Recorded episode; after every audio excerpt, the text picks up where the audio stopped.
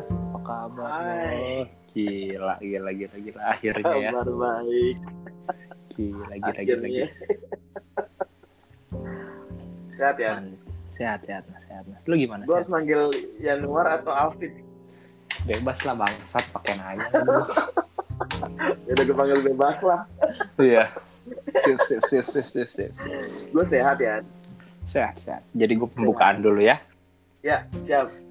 Halo, balik lagi ke podcast gue, podcast Januar Alvin, ngobrol suka-suka dan apa adanya di sini. Eh, di sini gue mau ngobrol sama teman gue, teman lama, lama banget dari zaman kita masih bocah. Iya. Eh, Halo, halo. eh, kenalin dikit dong, Oke. siapa? Ini gue manggilnya apa? Listener atau pendengar? Kaulah sange, enggak lah terserah. Kaulah sange. Halo malam semua kaulah sange. Saya Yohanes Pangabean. Ya, Oke. Panggilannya Anes, bisa dipanggil Yohanes, bebas lah. Jadi gue temennya Yanuar, Alvin. Dari kecil banget kita mau TK bareng sampai ya pokoknya temenan terus sampai sekarang. Terus eh gua sekarang kerja di salah satu bank BUMN. Perlu disebutin nggak ya? Boleh bebas, itu terserah lo. Gue gua, gua gak masalah.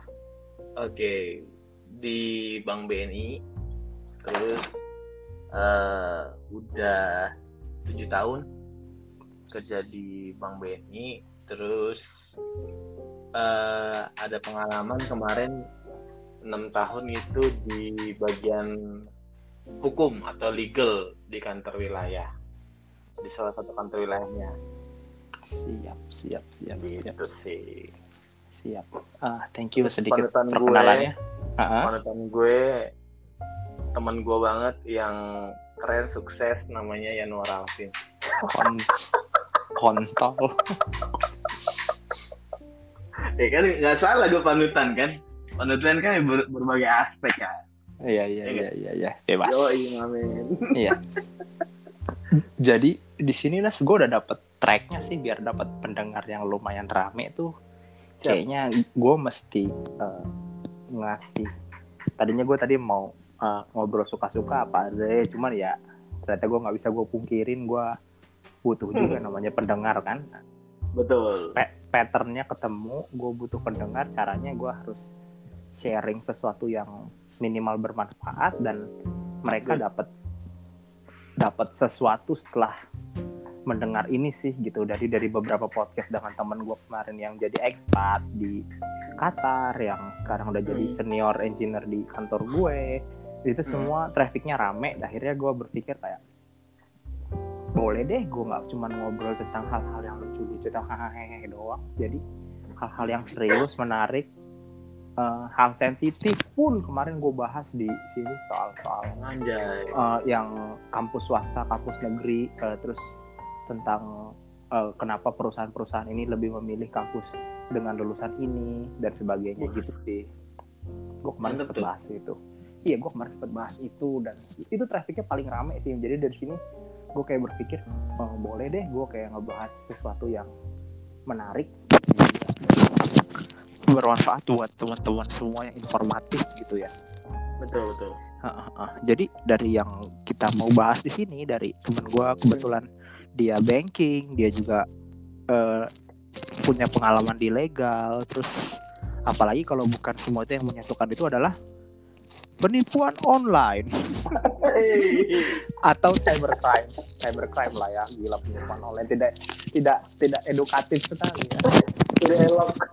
tidak elok cybercrime. Jadi eh, Ya. sebelumnya eh, gua rasa eh, Anes cukup memiliki pengetahuan pengalaman dari sisi dia sebagai profesional dari sisi dia Amin. sebagai eh, penggiat dan pelaksana bidang hukum dan dari sisi dia sebagai eh, pengamat dari orang luar gitu ya Betul dia betul. dia, dia punya tiga aspek itu Nah, buat Hmm. teman buat teman-teman sekalian gitu ya pertama sih Nas yang pengen gue tanyain di sini sih Siap. dari pemahaman orang banking apa sih cybercrime itu Nas kalau boleh lu jelasin Oke.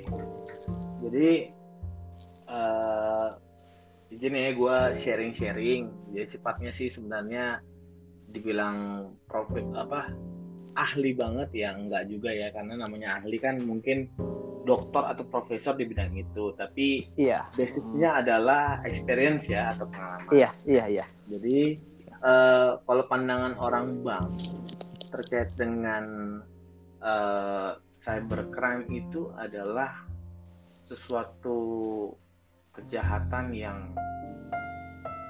ya, sangat menakutkan. Lebih menakutkan daripada kejahatan biasanya kenapa dibilang lebih menakutkan dari kejahatan biasanya? Karena susah kelihatan. Biasanya yang gampang kelihatan itu yang jelas-jelas di mata kita itu um, cara, kriminal. cara menanganinya cara solusinya itu gampang. Iya, iya. mungkin sudah ada pengalaman sebelum sebelumnya apalagi sekarang uh, makin banyaknya orang pakai uh, cyber ya. Berarti makin uh, banyaknya juga kasus cyber sehingga makin tingginya juga penipuan-penipuan online yang salah satu dari cybercrime itu. Nah itu tuh bang, ya gua rasa ya hampir tiap bulan ada aja laporan dan aduan, nah ada aja berita di koran terkait dengan uh, cybercrime, terutama penipuan ya perbankan ya menggunakan bisnis uh, cyber itu. Jadi secara umum gitu ya itu menakutkan sekali bro. uh, berarti dari sisi lo sebagai uh, yang profesional di bidang banking mm-hmm. ya uh, ini yang paling ngomong paling menakutkan ya karena cybercrime ini kenapa cybercrime paling menakutkan ini karena dari lo yang bilang tadi tuh lo secara tidak sadar atau tidak sadar uh, nasabahnya itu ada uh, pelaku gitu ya pelaku cybercrime. Nah, gini nih. Jadi itu salah satunya memberikan sesuatu itu itu salah satunya. Oke. Okay. Jadi uh, sedikit gue jelasin nih kalau okay. tentang cyber crime itu banyak jenisnya ya.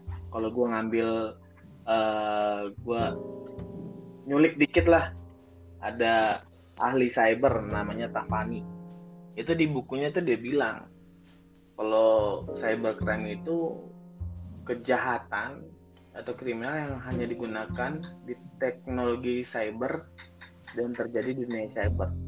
Jadi sebenarnya oke, okay, uh, Yan kalau kita ngomong cybercrime itu luas banget ya tindakannya. Hmm.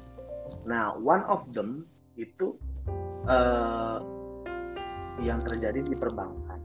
Nah, khusus gue ngomongin yang di perbankan, itu orang suka salah ngira. Oke. Okay. Salah ngira kalau penipuan apa pun itu yang ada bentuk transfer transfernya, yang ada bentuk rekening rekeningnya, yang ada bentuk ATM ATM-nya itu sama semua uh, penipuan online perbankan. Padahal mm -hmm. ini gue kasih nih ini malam ini nih itu beda. Oke. Okay. Bedanya tuh apa? Kalau secara umum sih bedanya cuma dua gampang dipahami ada yang namanya social engineering oke okay. ada, yang namanya skimming oh skimming nah, ya gue tau oke. Okay.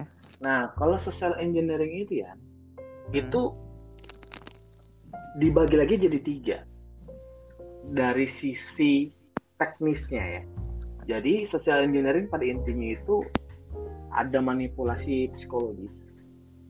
Tujuannya untuk dapetin sesuatu informasi atau nyuruh melakukan sesuatu dan ada unsur penipuannya. Itu ada social engineering itu ya? Ya jadi ada interaksi nih iya iya, iya. interaksi ya. antara si penipu dengan si korban nah tadi gue bilang dibagi jadi tiga tuh uh, teknisnya ada yang phishing phishing itu tulisannya pantai hotel ising PHI okay. ising yeah, yeah. itu lebih kepada tindakan untuk mencari mendapatkan informasi rahasia kayak password dan sebagainya iya iya Terus, iya uh, menggunakan sarana-sarana cyber seperti email, SMS, link palsu. Tapi nggak ada Iya. kontak-kontak kontak teleponan. Jadi kayak pesan-pesan singkat gitu aja, bahkan WA gitu. Nah, terus ada yang namanya phishing. Phishing itu pakai Viera Ising. iya. Nah, iya nah itu phishing ya Nah, itu ada untuk dapatkan informasi nama pengaruhi korban, tapi dia teleponan, ada komunikasi. Oke. Nah, yang ketiga itu ada impersonation, oke pura pura-pura jadi orang lain. iya iya iya iya Jadi pura-pura jadi kenalan lama, pura-pura jadi apalah gitu. Nah, intinya di ketiga ini itu itu ada interaksi iya dan si eh, korban disuruh atau eh, melakukan segala melakukan sesuatu itu berdasarkan interaksi itu. Nah, sedangkan kalau yang yang kedua tadi kan tadi social engineering yang satunya lagi adalah skimming itu tidak ada interaksinya, nggak ketemu sama sekali, nggak ada koneksinya sama sekali. Jadi tindakan pencurian informasi itu dengan menyalin informasi pada eh, teknisnya seperti strip kartunya kartu ATM atau kartu kredit. iya Jadi ada bentuk eh, apa namanya? Misalnya magnetiknya, ada bentuk alat cocor bebeknya di ATM misalnya atau iya iya iya bisa bisa di tap in gitu. Jadi orangnya itu nggak sadar. Kalau itu orangnya itu juga bahkan nggak tahu sama sekali juga bahkan nggak ada interaksi. iya Nah, yang gue bilang menjadi momok itu bukan hanya karena banyaknya keluhan ya. Ya tadi gue bilang ya, iya bukan iya hanya si para korban ini terus eh, marah-marah di bank atau marah-marah di call centernya kita bukan cuma itu, tapi karena eh, ternyata skimming bukan social engineering ya, skimming sendiri itu banyak yang terjadi di Indonesia. Iya. Nah, itu gue dapatkan info. Jadi ada yang namanya Badan Siber dan Sandi Negara BSSN. oh iya tahu Itu mereka koordinasi sama kepolisian juga. Hmm. Jadi mereka nyari tahu dan mereka eh, menangani juga kasus-kasus mengenai siber itu. Hmm. Itu memang peningkatannya gila banget, baik. Iya. Dari 2019 tuh tiga- 39,3 juta per tahun. iya Tapi di 2021 lo tuh jadi berapa? 190 juta, Bray.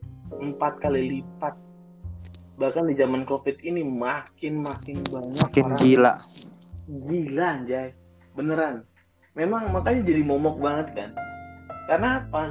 Ada yang juga yang benar-benar skimming. Ini orang benar-benar di sini nasabah ini benar-benar sama sekali nggak ada interaksi tiba-tiba cep duitnya Iya, ada hilang Hmm. gitu loh itu yang yang sekarang jangankan kita siapa sih yang biasa nelusurin ini? Selain BSSN tadi kan pasti berkoordinasi dengan polisi. Iya. Nggak mampu guys nggak mampu mendapatkan orang-orang yang melakukan penipuan ini. Karena apa? Satu banyak. Dua di Indonesia ini kan menyebar ke mana-mana ya. Iya. Mereka tuh bahkan kalau tahu tuh ada salah satu kampung di daerah Sulawesi Selatan itu kampung itu lo tahu kan kampung beberapa kartu keluarga ya berapa iya orang gitu iya iya iya itu hal- semuanya itu kerjanya adalah pelaku cybercrime bayangin nggak sebejat Iya. Iya. jadi memang terus ada juga koordinasi dari luar negeri juga orang-orang bule jadi banyak Mhm. juga orang-orang bule itu yang sengaja beli mesin edisi mesin edisi itu yang kalau kita mau belanja di toko Iya, kita iya. Ah. tuh. Nah, atau sengaja beli ATM jadi sengaja membeli alat-alat itu di mana setiap ada alat terbaru setiap ada alat yang makin canggih mereka beli. Padahal mereka bukan bank. Tujuannya apa? Mereka mau coba nih gimana cara ngot cara ngotak-ngotaknya ini biar supaya dapat tuh bisa melakukan skimming. Se ekstrim itu ya. iya iya iya. Iya itu jadi kan kita pernah kemarin kan kita ngobrol ya ada Hmm. teman kita tuh. Ada teman kita. Punya pacar dan juga teman kita.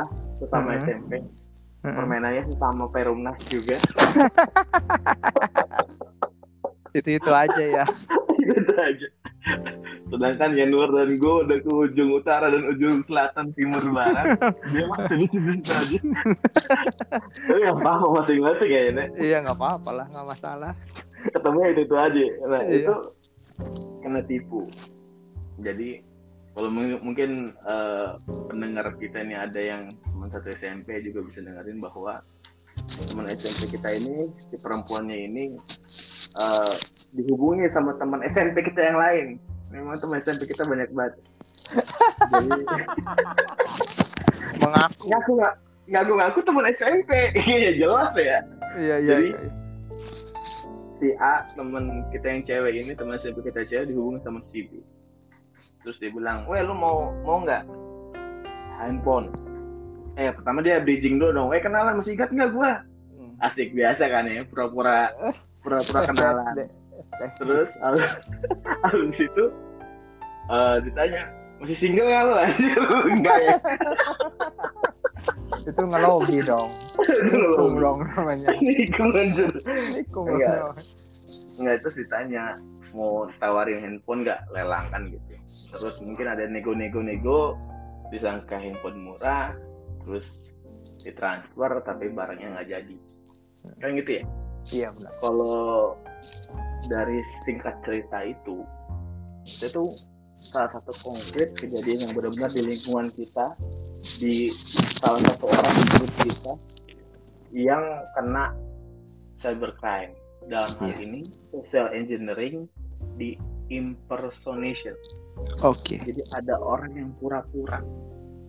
Iya. Nah, dari situ kita bisa ngembangin nih. Terus gimana sih? Nah, faktanya dia mau telepon sama orang perbankan, mau tel- mau mau ngelapor polisi atau mau meminta tanggung jawab si si B ini yang per- eh, yang teman kita yang si asli ini si B asli. Yang disangkakan ya? Dia disangkakan itu semuanya jadi bingung dia. Gue harus ngapain sih? Gitu. Nah itulah salah satu bentuk dari cybercrime yang bikin kita orang ketiga perbankan ini bingung si korbannya juga bingung karena saking canggihnya kejahatan itu ya. Gitu sih iya iya iya. Ya, jadi yang mau gue tanya gini sih Nes gimana tuh ya Eh, bener nggak sih ah, defensifnya atau pembelaannya orang-orang yang kena cybercrime gitu mereka kayak kena gendam seakan-akan kayak nurut gitu. Iya kan? Ada nggak sih penjelasan gua- logisnya tuh? Kalau gue lihat sih kalau gendam kan hipnotik ya. Iya. Nah hipnotis sendiri itu kan eh, berbagai cara ya dan Iya. juga berbagai terapan. Nah kalau definisi dari cybercrime sendiri menurut ahli termasuk tadi yang gue bilang social engineering itu ada bentuk manipulasi psikologi dan Oke. manipulasi psikologis itu Ah, ah. one of ilmu hipnotis. Oke, oh jadi ada tekanan, persuasif, itu yang termasuk manipulasi psikologi itu ya, sampai akhirnya Betul. orang itu kayak dibikin panik, dibikin kayak eh, keder ya. Oke oke, jadi Betul. tapi bukan sorry ya potong bukan bukan kayak yang uya kuya atau di Rafael ya karena itu mereka sendiri bilang itu kan testing Iya iya iya. iya. bisa lakukan hal kayak gitu bisa lakukan hal kayak gitu tapi ada ada obatnya juga ada Mm, butuh mm, mm. waktu yang lama Iya sehingga iya. lo disuruh ngerangkak kayak monyet jadi ja- jadi kayak monyet gitu tuh itu nggak sesingkat dan nggak kayak nggak serame itu anjir. Iya iya iya iya iya. iya, iya. Jadi kalau dia bilang kena gendam, gue bisa bilang iya. Iya. Tapi karena dendam ini gue gue perbaiki pandangannya bukan yang kayak di. Mm, Manipulasi psikologi ya. Ada ada Iya. efek persuasif, tekanan dan juga kayak efek dibikin terburu-buru jadi dia tuh seakan-akan jadi panik ya. Iya. Gitu. Jadi seakan-akan dia tuh takluk ya. betul betul. Eh, Iya, jadi eh, ha- kenapa bisa jadi takluk? Karena Ya. memang eh, habitnya orang Indonesia ini udah kebaca ya mungkin beda sama di Eh? luar negeri yang sangat individualis ya yang Oke. orangnya mik- banyak banyak mikir ya tapi Mm-mm. gue nggak tahu itu kita nggak bicara plus minus ya kita bicara mengenai habitnya aja nah Oke. habitnya di Indonesia ini rata-rata orangnya kan perasa dan orangnya sensitif Iya, kan gitu ya. baper. Iya, iya, iya, iya. Iya, Iya, Nah. apalagi sekarang dilindungi dengan UU ITE ya. Orang tersinggung Betul. dilindungi hukum. Oke, oke. betul nah kedua faktornya adalah tidak merasanya pemahaman mengenai teknologi ini Ah, gue benar. bukan bicara gue bukan bicara mengenai cuman orang tua ya Iya. bahkan anak SMP SMA kuliah pun bisa pakai HP belum tentu ngerti Iya, Iya kan, apalagi lo kan orang teknik ya nih, teknik Iya. elektro lagi pasti tahu lah bedanya Iya, bisa sama ngerti. iya tentang benar. teknologi. Iya benar. Nah, Jadi orang mikir kalau gue dapat WA dari seorang cewek yang gue baru kenal di Facebook, itu ada webnya. Orang mikir Mm-mm. kalau gue ngekan web doang, aku paling masuk doang, mm-mm, bisa gue close kan gitu. Orang mikir nggak akan terjadi apa-apa. Padahal kalau kita lagi buka profil kita di Facebook, ada DM masuk, masukin eh, ada ada website gitu, kita tekan itu bisa membuat data kita semua yang ada di Facebook masuk, Masuk. ke penipu itu. Hmm. Itu termasuk social engineering yang bentuk phishing, PH. Iya. phishing. Iya, mengambil data di dia dia di man of the middle ya. Oke. Betul. Bahkan sering banget kayak aplikasi kita asal download ya, pokoknya kayak mau edit foto nih, ah aplikasi edit foto sembarangan di Play Store dia install. Hmm. Ada kan question ketika kita mau pakai aplikasi itu di awal kayak Mhm. lo mau kasih akses nggak untuk galeri foto lo, Iya benar. apa segala macam lo untuk ketika memakai aplikasi ini. Kalau lo bilang enggak, kadang-kadang aplikasi itu nggak jalan. Iya, Tapi kalau lo bilang iya, semua data lo kepake. iya. Bah- bahkan yang lucu banget ini orang banget orang lagi beberapa kali trending lagi nih ya get kontak Ah, iya itu parah, itu paling parah sih itu. orang goblok banget pakai get kontak untuk ngecekin orang lain Iya. padahal dia nggak tahu semua data phone booknya Mm-mm. ambil semua di aplikasi itu Iya. Itu paling parah memang. Itu kalau udah pakai itu itu itu get kontak tuh paling parah itu. Bahkan gak cuma aplikasi, galeri lu juga, foto-foto lu sama pacar lu yang lagi ngapain itu semua disikat. disikat. Nah kejar kejar dengan pertanyaan terus kenapa nih? Kalau dapetin data nomor teleponnya oh itu da- sekarang data itu paling mahal. Iya. hal, hal yang paling berharga dapetin kenapa? Lo telepon 10 orang lo pura-pura jadi uh, anak uh, teman anaknya mereka bilang itu kecelakaan mungkin dapat satu atau dua yang bayar transfer yang transferin Iya. ya kan Hmm. pura-pura aja misalnya dari polisi anak bapak kecelakaan iya kalau dia punya anak tapi ada aja kan dari 10 orang itu yang punya anak Bener. kalau 10 orang kalau 100 orang ada ada Iya. aja Iya. ya kan jadi yang kayak gitu gitu itu eh, udah ada sarananya, udah ada aplikasinya banyak, terus udah- udah ditambah lagi tadi orangnya perasa nih orang-orang Indonesia, apalagi kemampuan teknologinya nggak merata, itu yang bikin tindakan kejahatan ini naik empat kali lipat dari tahun-tahun sebelumnya. Gitu sih ya. Oke, oke. Nih terus berikutnya sih yang mau gue tanya gini, berarti tadi cukup menjawab tuh pertanyaan berikutnya sih yang bilang kalau apakah orang tua aja yang biasanya kena dengan eh, penipuan via telepon gitu, ternyata nggak juga ada anak muda yang ternyata kena juga kemakan kayak begitu kan? Betul, ini kan. betul Iya, banget. iya. betul banget bahkan eh, kalau yang tipenya bukan social kayak skimming ini gue kasih tau nih salah satu bank di daerah Sulawesi Utara Hmm, bukan bank ada dua bank itu mereka punya ATM yang tidak sama sekali ada satpamnya ya. Kan nggak semua ATM kan dijagain satpam ya. Iya, oke. biasanya kan ATM yang rame aja tuh yang dijagain satpam. Tapi kalau ATM di tertentu gitu enggak. Hmm, Nah itu udah diperhatiin nih sama komplotan penipu ini, ini ATM-nya banyak interaksi. Karena misalnya dekat sama tempat laundry atau dekat sama apa gitu ya di situ. Dan tidak ada satpamnya. Nah itu dia cuman masukin beberapa alat sehingga dia bisa dapat nomor PIN, sehingga dia dapat nyal, dia bisa nyalin uh, apa namanya uh, apa? Nomor. Sistem yang Iya. sistem sistem iya. yang ada di kartu. Oke. Ya, dia pakai alatnya itu. Itu dia tunggu dua jam tiga jam dia balik lagi ngambil datanya. Dia biarin orang lagi jalanin dua jam tiga jam dia balik lagi datanya. Besokannya dari ATM itu terjadi transaksi 3 miliar. Lo bayangin itu bukan orang tua bukan anak-anak siapa aja kan bisa aja masuk untuk di situ makin ATM ya kan?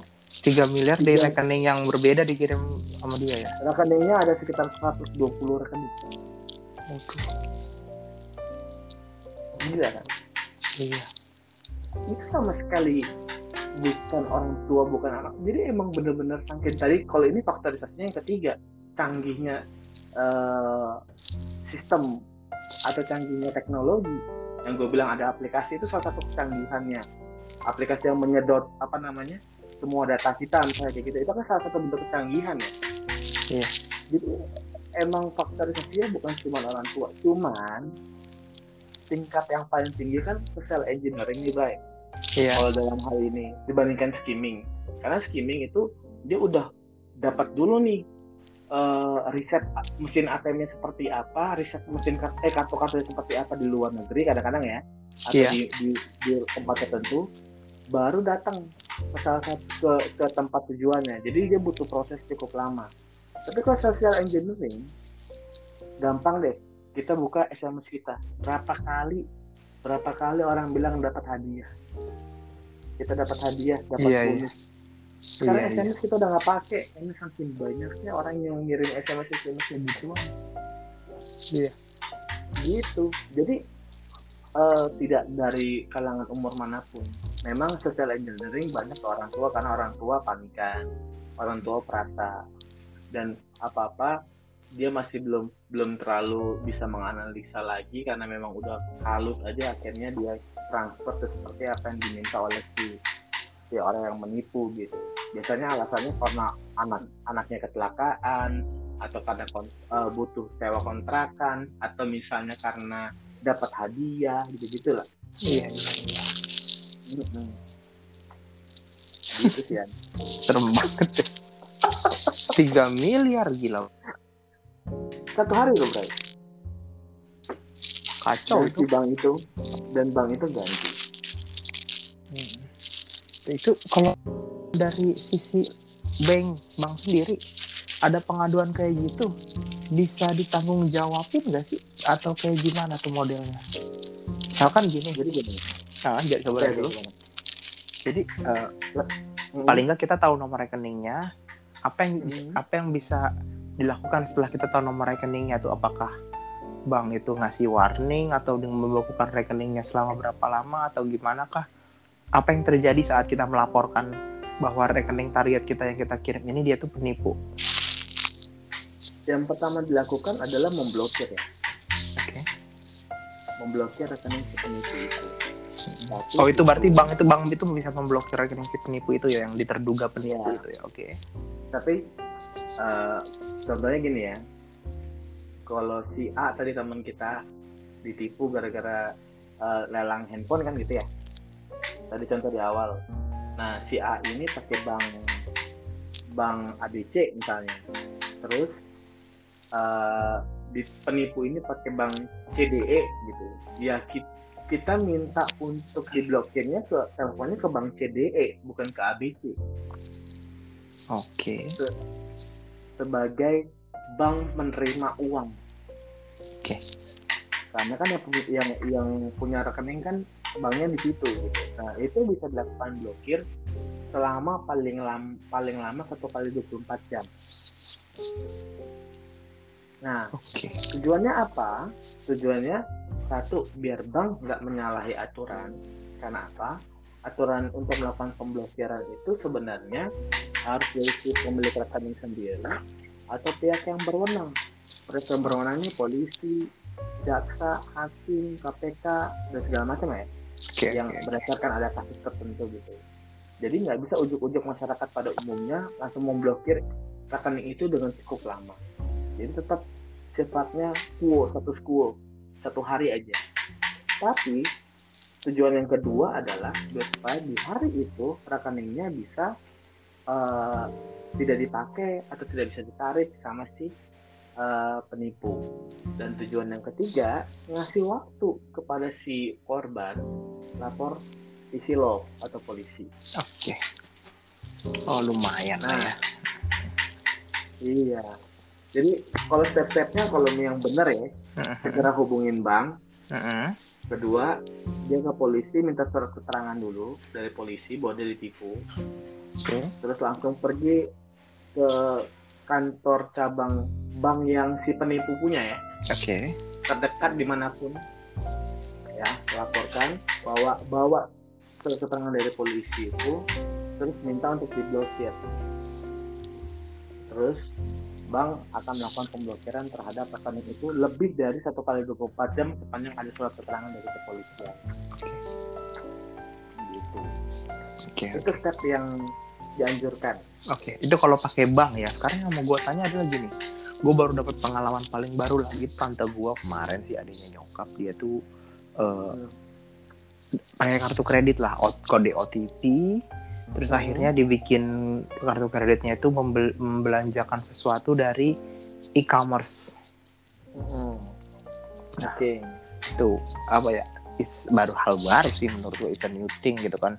Pakai kode itu lebih rumit ya tapi seakan-akan uh, itu ternyata berhasil dan tante gue itu kena efek persuasifnya nggak tahu kayak gimana. Tante gue katanya dia mengaku dia sempat ngomong ini kan nggak boleh ini kan nggak boleh tapi tetap harus dipaksa sampai akhirnya dia mengirimkan kode OTP-nya jadi hmm, dengan alasan lagi itu pertama dibilang ingin menaikkan limit kartu kredit gitu mm -hmm. gitu okay. nah, jadi waktu pada jadi saat itu gimana?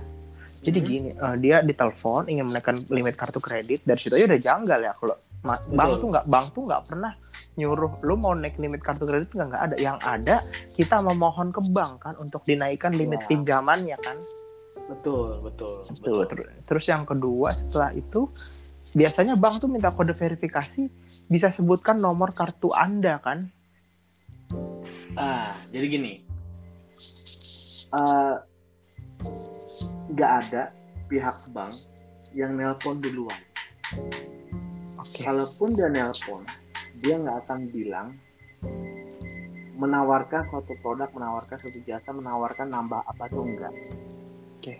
Jadi dia nelpon justru kasih peringatan, tapi hmm. nggak nggak minta apa pun, mau memperingatin. Jadi kayak misalnya, gue pernah contoh di dalam satu kredit nasabah gua itu itu kejadian satu hari ada pembelian pulsa sebanyak 100 juta. Oke. Okay. Gak mungkin kan beli pulsa 10 juta kalau dia bukan cukongnya tukang pulsa kan gitu. Masa dia bukan cukong tukang iya. pulsa. Iya iya. Ya kan. Nah di setiap bank itu ada kayak alarmnya gitu ya. Kalau ada kartu kredit yang gede banget uh, tindak apa namanya transaksinya dalam satu hari. Oke. Okay. Nah itu buru-buru biasanya di hari yang sama atau paling lambat satu kali 24 jam besokannya itu ditelepon. Nah, itulah tindakan bank yang nelpon duluan untuk uh, apa namanya ngingetin. Eh, ini ada transaksi satu kali di satu hari satu juta lo eh seratus juta lo beli pulsa. Hati-hati ya, gitu. Jaga ya, jangan sampai keulang lagi misalnya gitu. Nah, cuman itu dia nggak minta OTP dan segala macam beda halnya kayak petugas-petugas asuransi atau petugas-petugas uh, call centernya call, call center bank yang uh, menawarkan menawarkan apa menawarkan apa itu nggak pernah minta sesuatu ya dia hanya menawarkan dan itu juga kita bisa tolak dan kita bilang jangan hubungi saya lagi ntar besok besok nggak dihubungin. Oke. Okay. gitu nah. Jadi nggak pernah tuh diminta. Jadi memang sharing knowledge-nya harus kepada pengguna kartu kredit itu jangan begitu gampangnya menyampaikan informasi dari kartu kredit kita. Jangankan cuma OTP nomor tiga digit yang di belakang VPN-nya dari kartu kredit namanya Iya. tiga digit belakang itu itu adalah nomor untuk mengakseптasi seluruh transaksi. Iya. itu nggak boleh sama sekali kasih tauin. Nomor kartu kredit nggak boleh dikasih tauin. Nah jadi kalau kita eh, biasanya ditanya itu dalam hal apa? Jadi kalau kita misalnya mau ke call centernya bank contohnya call center bank BNI ini. Pak saya mau nanya limit kartu kredit saya. Baru bank itu nanya. Oke kita cocokkan dulu datanya ya. Nomor di kartu nama ibu kandung nomor Iya. handphone lu limitnya berapa nah untuk penipu, penipu tuh kan itu udah itu harus dalam cepat kalau lo berbata-bata Ya. itu dia bisa membatalkan Heeh. nah ketika itu semua datanya cocok baru dia kasih limit lo segini lo mau ngapain lagi gitu jadi emang eh, tindakan menelpon minta OTP itu gue juga pernah dengar sih Yan dan itu kondisinya eh, harusnya kalau dibilang bank menelpon untuk minta OTP itu nggak ada OTP itu nggak boleh dikasih ke siapa pun selain si yang punya transaksi itu sendiri terus Oke. tante lu gimana jadinya bro Iya itu makanya dia jadinya eh, nelpon Siapa? habis banyak Abis lumayan. Abis lumayan lah abis. 6 jutaan lah itu ya. Cuman tiga kali transaksi jadinya. Eh, jadinya gue tuh ngerasa kayak di situ tuh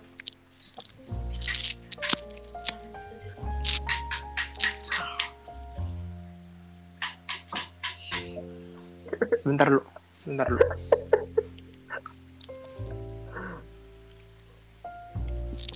Jadi saat itu Aduh. gue ada sekretaris sekarang Taruna iya sekretaris sekarang Taruna biasa.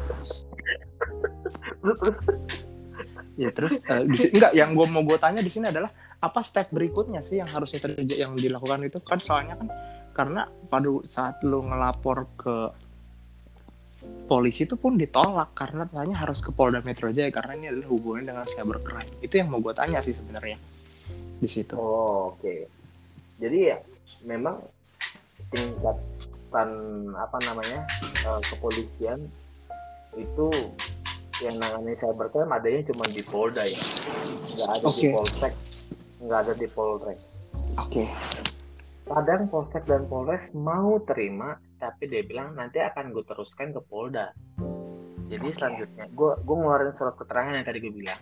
Tapi selanjutnya lu berhubungan dengan Polda ya, gue bantuin aja gitu. Tapi yang paling benar, yang punya unit tersendiri untuk nanganin kasus cyber cuma di Polda. Nah, itu gue bilang mirisnya kita jangankan kita nih perbankan salah satu korban ya. Ya korban juga lah kita akhirnya kalau kita ganti duit nasabah polisi juga masih susah bray. Untuk ya terbatas untuk eh, menelusuri ini cybercrime ini. Oh. Nah terus ini sih yang mau gue mau cari jelas tuh di sini begini. Hmm, kan kalau pada saat kartu kredit itu dilakukan transaksi kan nggak mungkin langsung dikirim biayanya ke tujuan dong apalagi menggunakan Hmm. e-commerce kan Hmm. pada saat itu eh, uang lo juga langsung nggak langsung ditransfer dari bank itu langsung Hmm. ke e-commerce dari e-commerce ke orang yang nggak dong nggak gitu dong modelnya kan kan kayak ditahan kan jadi ada nggak satu mekanisme menurut gue yang bisa menahan transaksi itu di hold dulu gitu. Jadi, tapi seakan-akan tuh kayaknya kayaknya bank itu ya loss aja karena lo transaksi kayaknya ya udah lo udah ngirim OTP ya udah di situ udah terjadi. Dan e-commerce-nya juga oh nggak bisa gue nggak bisa ngirim. Ya kan maksudnya apalagi e-commerce ya membeli sesuatu. Jadi kan bisa dong eh, ditahan dulu gitu. Itu nggak ada proteksi sama sekali gitu yang gue menyayangkan di situ. Ya mungkin dari kasus itu kalau kita bilang nggak ada proteksinya ya memang agak sulit bro kalau yang OTP iya sih. Harusnya harusnya memang ketika eh, apa namanya ada kerjasama ya antara bank dengan si eh, e-commerce itu itu bisa ada ada proses recheck dulu ya. Eh ini pasti nggak gitu. Tapi kadang-kadang juga ada e-commerce tertentu yang menghitung itu semua. Terlalu banyak birokrasi terlalu banyak koordinasi jadi lama. Sedangkan masyarakat pembelinya butuh cepat nih. Butuh transaksi gampang nggak terlalu banyak tekan tombol apa segala macam. Sehingga itu yang juga bikin sulit. Permintaan pasar itu mau sesingkat singkatnya tinggal klik jadi beli ke antar iya iya, nah, iya. Tapi ada juga yang e-commerce lo nggak bisa uh, langsung ke antar barangnya. Nggak bisa langsung transfer. Jadi ada yang ketahan dulu. Nah jadi tergantung e-commerce seperti apa. Tapi Hmm. emang mungkin dari kasus tante lu itu ya gue terus berduka bu buat tante lu yang udah kehilangan 6 juta itu bahaya eh banyak juga. Maksud gue eh ya apes jatuhnya ya gara-gara ya orang lain bisa membajak dan menipu ya mungkin itu bukan dari e-commerce sendiri dari dari pihak yang sindikat sendiri untuk menipu tante lo gitu Oke, dan apesnya lagi tante lo ngastain OTP-nya gitu Hmm. gitu sih bro Oke, terus yang gue tanya gini sih berikutnya. Biar sadar ini tuh cybercrime dari pener dari telepon yang aneh-aneh ini, biasanya katanya orang yang tadi lu bilang katanya kena gendam. Apa sih yang mesti dilakukan selain taat ima- iman dan takwa? Eh, yang harus dilakukan eh Pertama, setelah ada telepon-telepon gitu ya, set gitu kan ada telepon. Yang harus dilakukan tuh apa sih? mungkin mengham- menghafalkan Dharma Pramuka kali. Kagak kagak. kagak. Bukan itu. Ini loh. Ya. Kalau misal kalau misal jadi tel. Jadi eh, yang harus dipahami sama si penel si yang menerima telepon yang Mhm. calon korban ini adalah satu udah nggak ada yang namanya hadiah dari bank. Iya. Kagak ada itu. Dari mana pun juga nggak ada namanya hadiah. Diberikan hadiah nggak ada lagi sekarang pemberian hadiah. Itu salah satu pengurangan dilakukan adanya hadiah-hadiah melalui telepon atau eh, internet itu karena saking banyaknya kejahatan cyber ini. Jadi kalau bank bikin program mau kasih hadiah, datang langsung ke orangnya, beneran. Kagak telepon. Iya ya. Nah, itu satu pemahaman itu. Pemahaman yang kedua adalah ketika si orang itu menyuruh melakukan sesuatu, apa pun itu, menyuruh melakukan sesuatu, itu udah ancar-ancar penipuan. Misalnya, tolong cekin, tolong klik SMS ini, tolong bacain, tolong apa itu nyuruh. Iya. Karena dari pihak bank mana pun nggak akan menyuruh tadi gue bilang Iya, iya, iya. Oke, oke. dia justru ngingetin ya udah lo terserah mau ngapain? tuh Iya. dari dari dari awareness yang gue kasih ini Iya, iya. gue cuma bilangin transaksi lo satu hari 100 juta untuk pulsa doang lo udah terserah lo mau ngapain kan gitu iya. nah jadi nggak ada untuk menyuruh bahkan orang yang cross selling untuk ngejual asuransi ya kadang-kadang kan kita telepon ya kartu Iya. kredit bapak masih bagus nih mau menawarkan itu nggak disuruh menawarkan jadi tolong saya kirimkan ke sini tolong nanti enggak jadi pemahaman yang kedua nggak ada kalau ada perintah atau ada menyuruh berarti itu mengarah ke penipuan Oke. Terus Nah, yang ketiga yang harus dikasih yang harus diketahui adalah omongannya cepat Oke. si orang itu nggak akan ngasih jeda kita banyak Mikir. Iya. Ada Iya, suara berisik juga di belakang kadang ya. Iya. Itu. Jadi emang eh, teknik komunikasi ketika kita banyakkan ngomong itu membuat orang yang si di telepon ini nggak sempat berpikir dan keikut sama omongan si penipu. Paling Iya, umum tiga itu sih. Iya. menyuruh Heeh. terus pemahaman mengenai nggak ada konsep hadiah nggak ada penerimaan transaksi yang sekarang sia-sia begitu lagi Hmm. jenis-jenis seperti itu dan nggak eh, apa namanya yang ketiga tadi eh, ngomongnya cepet nah Hmm. yang keempat ya paling penting ya sekarang kalau orang sakit tiba-tiba kecelakaan iya atau orang orang misalnya minta uang kontrakan sewa gitu segala macam ya semuanya bisa dikonfirmasi balik. Bisa ditelepon bisa di apa gitu. Jadi kadang-kadang ini eh ada SMS sorry kontrakan bulan ini udah habis. Kirim ke nomor saya aja yang ini. Nah ini kan nomor baru nih. Yang Iya. biasanya kan bukan itu tuh tukang Iya. tukang tukang kontrakannya. Iya. Ya kan? Jadi karena semua orang sekarang pada punya handphone ya kenapa nggak lu telepon aja kontrakannya? Eh lo Iya. ada SMS begini? Kagak oh hampir gue mau kirim kan gitu ya. Nah jadi sebenarnya ya kita pemahaman-pemahaman begitu sih bro. Untuk eh, membuat si orang penerima telepon ini aware lah atau hati-hati sama yang namanya penipuan dari online itu. Seperti social engineering gitu bro. Iya sih benar ya. Jadi itu tadi tadi tadi gue dapet banget sih itu eh, eh, tipsnya tuh kalau dia udah menyuruh menyuruh gitu itu udah pasti penipuan. Terus hadiah-hadiah tuh ya udahlah hadiah-hadiah itu. Gue sih tadi mengkhawatirkan sih orang-orang yang itu sih yang di ya gue jauh sejauh ini gue belum pernah kena sih. Eh gue pernah deh kena sekali.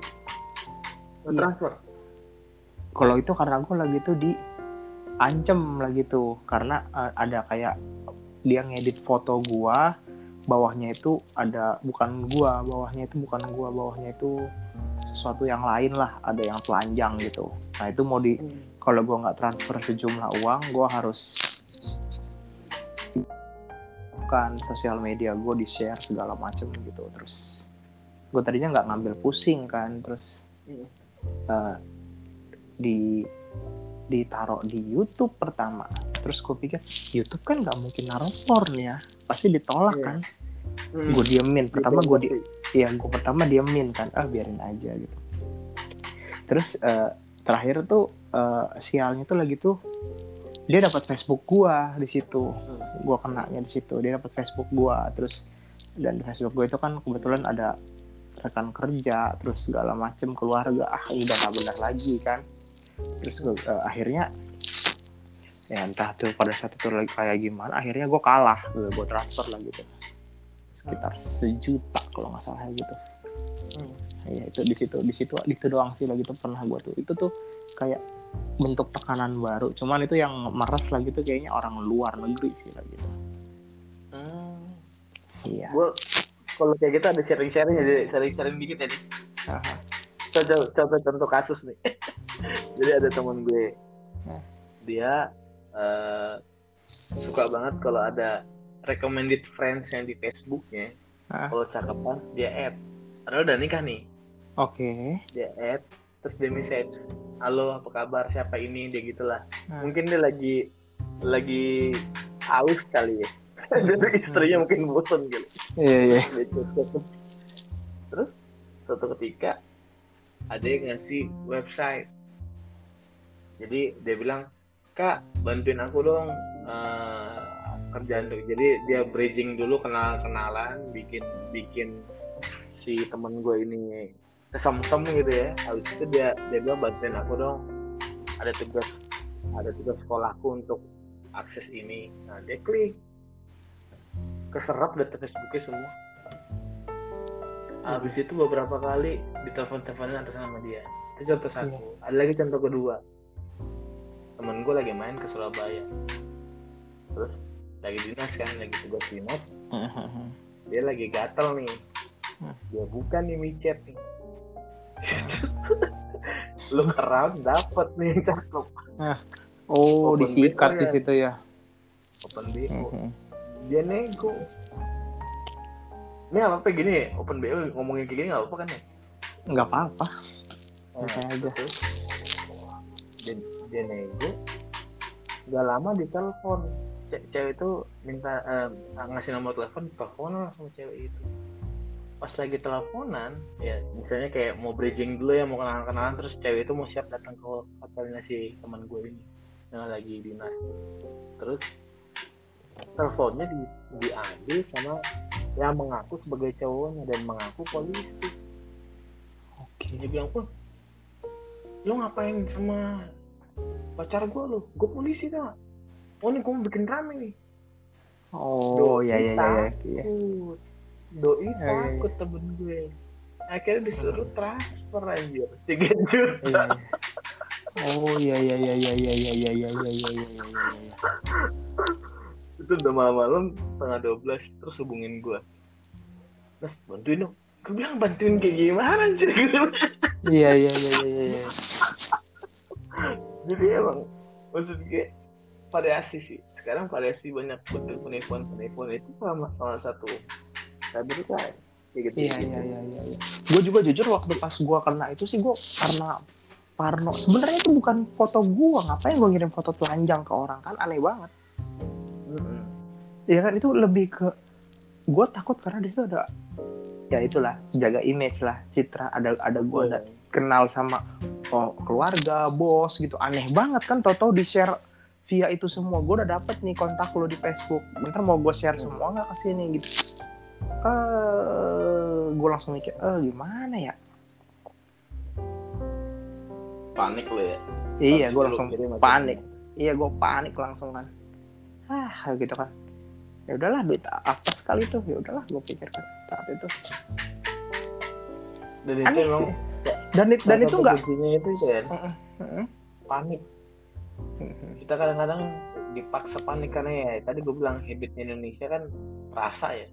Iya, Jadi, kalau misalnya udah kesinggung sesuatu yang eh, memalukan dia atau bikin bahaya dia dia langsung Nah. ya mungkin nah kayak nah. gitu lah arahnya gitu. Nah nah. Dan gue juga di di diarahin tuh. Tadinya gue udah sempet bodoh amat.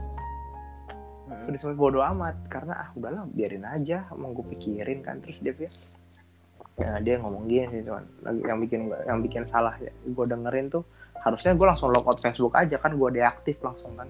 Udah betul. biarin aja. Nah terus gue sempet dengerin tuh eh, sampai akhirnya Facebooknya gue buang tuh gue bikin Facebook baru sekarang kan. Hmm. udah lama banget tuh pas gue lagi masih kuliah tuh kayaknya tuh Eh, terus 2002 kan Anda? iya dua, dua ribu iya. enggak lah 2002 kita kelas 4 dong 2002 kita kelas 4 dong Terus sebut iya lagi.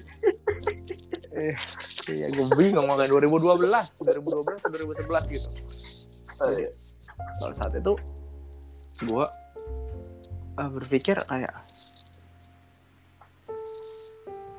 eh bukan 2004 2012 pas gua pas kuliah pas udah lulus pas gua baru baru kerja itu. Pas gua baru baru kerja itu. Ya pas gua baru baru kerja. Nah apa itu ya, gitu.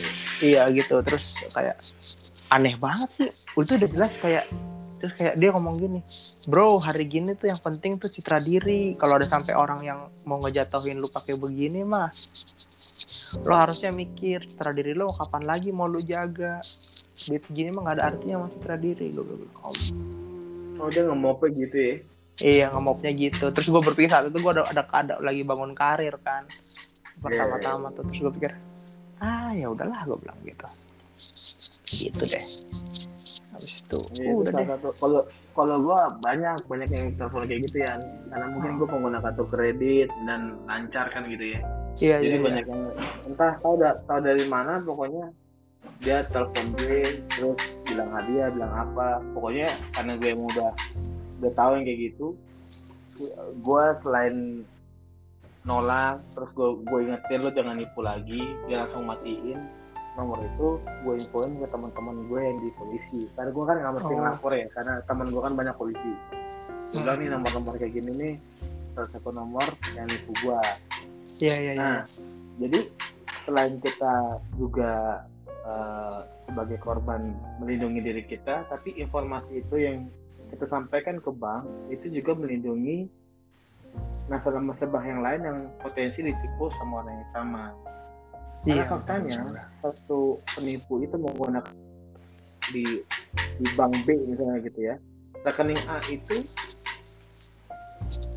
kan empat kali bahkan lebih untuk penipuan. Oh. Halo iya halo halo. Suara lo jauh nas. Kedengaran? suara lo jauh. Udah kalau masih kedengeran tapi jauh agak jauh. Apa tadi? Ulangin apa penipot rekeningnya itu? Nah, halo, kedengaran? kedengeran kedengeran rekeningnya itu? Iya, jadi kalau rekening itu bisa beberapa kali uh, dipakai untuk penipuan. Makanya kalau kita ngelaporin ke ke bank yang bersangkutan, banknya si pemilik oh. rekening penipu, itu ya. dia bisa uh, menginformasikan itu ke Mabes Mabes. Polri oh. atau Baris Krim. Nah, itu akan akan membantu mereka untuk mendapatkan sindikat-sindikatnya ya. Oke oke oke oke oke. Gitu. Jadi kayak uh, sharing-sharing di tempat gue ini di Bank BNI itu hmm. mereka itu punya grup seluruh bank se-Indonesia yang memang kerjaannya nyari-nyari sindikat yang kayak gini. Dan setiap hari, setiap bulan ada aja informasi-informasi baru yang yang yang uh, masuk itu untuk makin mendukung arah nangkapnya mereka jadi kayak tahun lalu itu ada yang ketangkep di Gorontalo tapi melakukannya bukan di Gorontalo ya di balik papan si iya, orang iya. itu. Oh, iya, nah. iya, iya, iya. tapi karena udah dapat nih titik satu ke titik dua jadi dapat benang merahnya akhirnya bisa dikejar nih orang ini ke mana. Dan akhirnya bisa ketangkap nih dari CCTV dari mana mukanya si sindikat-sindikat ini seperti apa. Karena kan kayak gini kalau misalnya disuruh transfer ke rekening A gitu iya. kan pasti ada upaya untuk ngambil ke ATM kan? Iya benar. Ya kan? Jadi misalnya si A ini udah terima di suatu saat dia akan ngambil. Nah itu kan ada catatannya di bank. Nah di situ polisi akan akan mencoba melihat di rekening di ATM mana atau di bank mana dia ngambil duit. Di situlah dicek CCTV-nya kelihatan nggak mukanya? Iya. nah kalau si korban nggak mau nggak mau cerita atau nggak mau laporin ke bank susah jadinya. Dia cuma sampai habis di nganasnya doang tapi mungkin orang yang sama jadi lebih jadi liar dan uh, bisa ngakuin ke tempat yang lain gitu ya oke okay, oke. Okay, oke okay. itu sih yang mau gue tanya terakhir gini dari apa ya dari agak sensitif nih masalah nggak nggak apa-apa. Oke gue tanya begini setuju nggak sih lo sama anggapan dengan aduh jangan lapor polisi deh ntar jadi ribet deh biaya lagi gitu. At halo? Iya setuju ya. Iya. Oh, setuju. Nah itu ya jadi kayak lo tadi kan lo bilang gue sih kenal ada temen kenal polisi. Ya, lo kenal lo punya privilege lebih gimana kalau buat orang-orang biasa ya kan? Pada saat itu mereka nggak tahu ngadu sedangkan pada saat kita tahu rekeningnya kita lapor ke banknya pun ya banknya cuman apa namanya kayak tadi lo bilang stepnya hanya SOP-nya hanya itu. Terus kita melapor itu eh, oke okay lah kita tidak tidak usah bicara uang itu balik. Tapi pada saat kita mau melaporkan sesuatu ke tempat eh, yang itu jadinya kayak ya udah gitu aja gitu. Gimana menurut lo sih? Gua es orang ya tadi dari pandangan orang ketiga pun ya gue bilang gue setuju yang lo bilang karena nggak segampang itu. Nggak segampang itu kita ngelapor polisi terus langsung dapat hasilnya. Apalagi kita mau minta pengembalian. Hmm. ribet banget. Biaya lagi iya, iya, iya. karena tim iya, iya polisi iya, iya. juga nggak kita pungkiri dia butuh operasional bray. Iya iya iya. Sedangkan curhatannya teman-teman polisi sama gue juga es kita sama-sama orang hukum yang tahu ya bahwa ya dana operasionalnya mereka untuk ini tuh nggak banyak. Oh, Oke. Okay. Makanya mereka ngeruknya atau mintanya dari teman-teman pelapor. Ya gue bilang oh. ya itu plus itu secara realitanya itu sebagai korban yang menyusahkan kita ya wah duit gue udah keluar gue yeah. gua harus lapor terus lah hasil dari laporan gue juga belum tentu dapat mungkin ketangkapnya orang di, ntar itu di mana sedangkan gue gua udah nggak peduli lagi karena udah gue anggap uh, ikhlas apa sih iya. iya, iya. jadinya oh. ya dari sisi si korban ya jatuhnya kayak males aja gitu kalau misalnya nambah nambah biaya lagi atau nambah waktu dan perhatian lagi ke lapor ke polisi tapi kalau bicara dari sisi gue hukum ya jalur yang benar ya di situ tak lain tak bukan. Mau bilang apa lagi? Oke oke oke. Sip sip sip sip. Itu faktanya sih Bray yang yang terjadi sekarang di negara kita masih Ugly- begitu, Bray. ugly truth-nya begitu ya jadi ya Ah, Iya. oke sip. Ya oke. jadi eh, thank you Itu pendapat gue ya. ah, thank you banget sudah bisa sharing di sini ya. Siap, Ah, siap, nanti, siap. eh, s- sorry banget udah ganggu waktunya. Satu jam kita ngobrol. Ih, santai. Gila, Gue senang banget malah. banget Gue senang Iya, banget juga senang menginspirasi. Seriusan gue kagum lu punya banyak banget episode. Gue tadi udah mulai dengerin satu satu dari awal. Keren sih gue bilang. Lu punya komitmen dan punya konsistensi itu keren sih.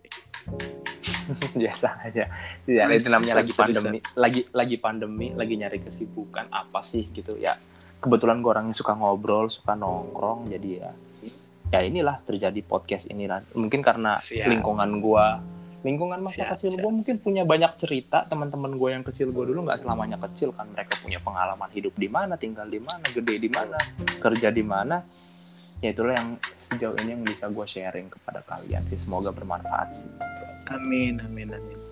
thank you Ines ya Gitu. Siap. Sehat selalu Makasih banyak. sehat selalu makasih banyak ya yuk bye Ines Nanti ya. kalau misalnya ada lagi, udah-undang lagi lah. Siap ntar kita Sharing- bahas sharing lagi berikutnya iya Siap. kita siap, bahas siap. lagi thank you Ines ya yuk Oke, thank you banyak ya. Thank you semua Ya. listener. Thank you. Malam. thank you malam malam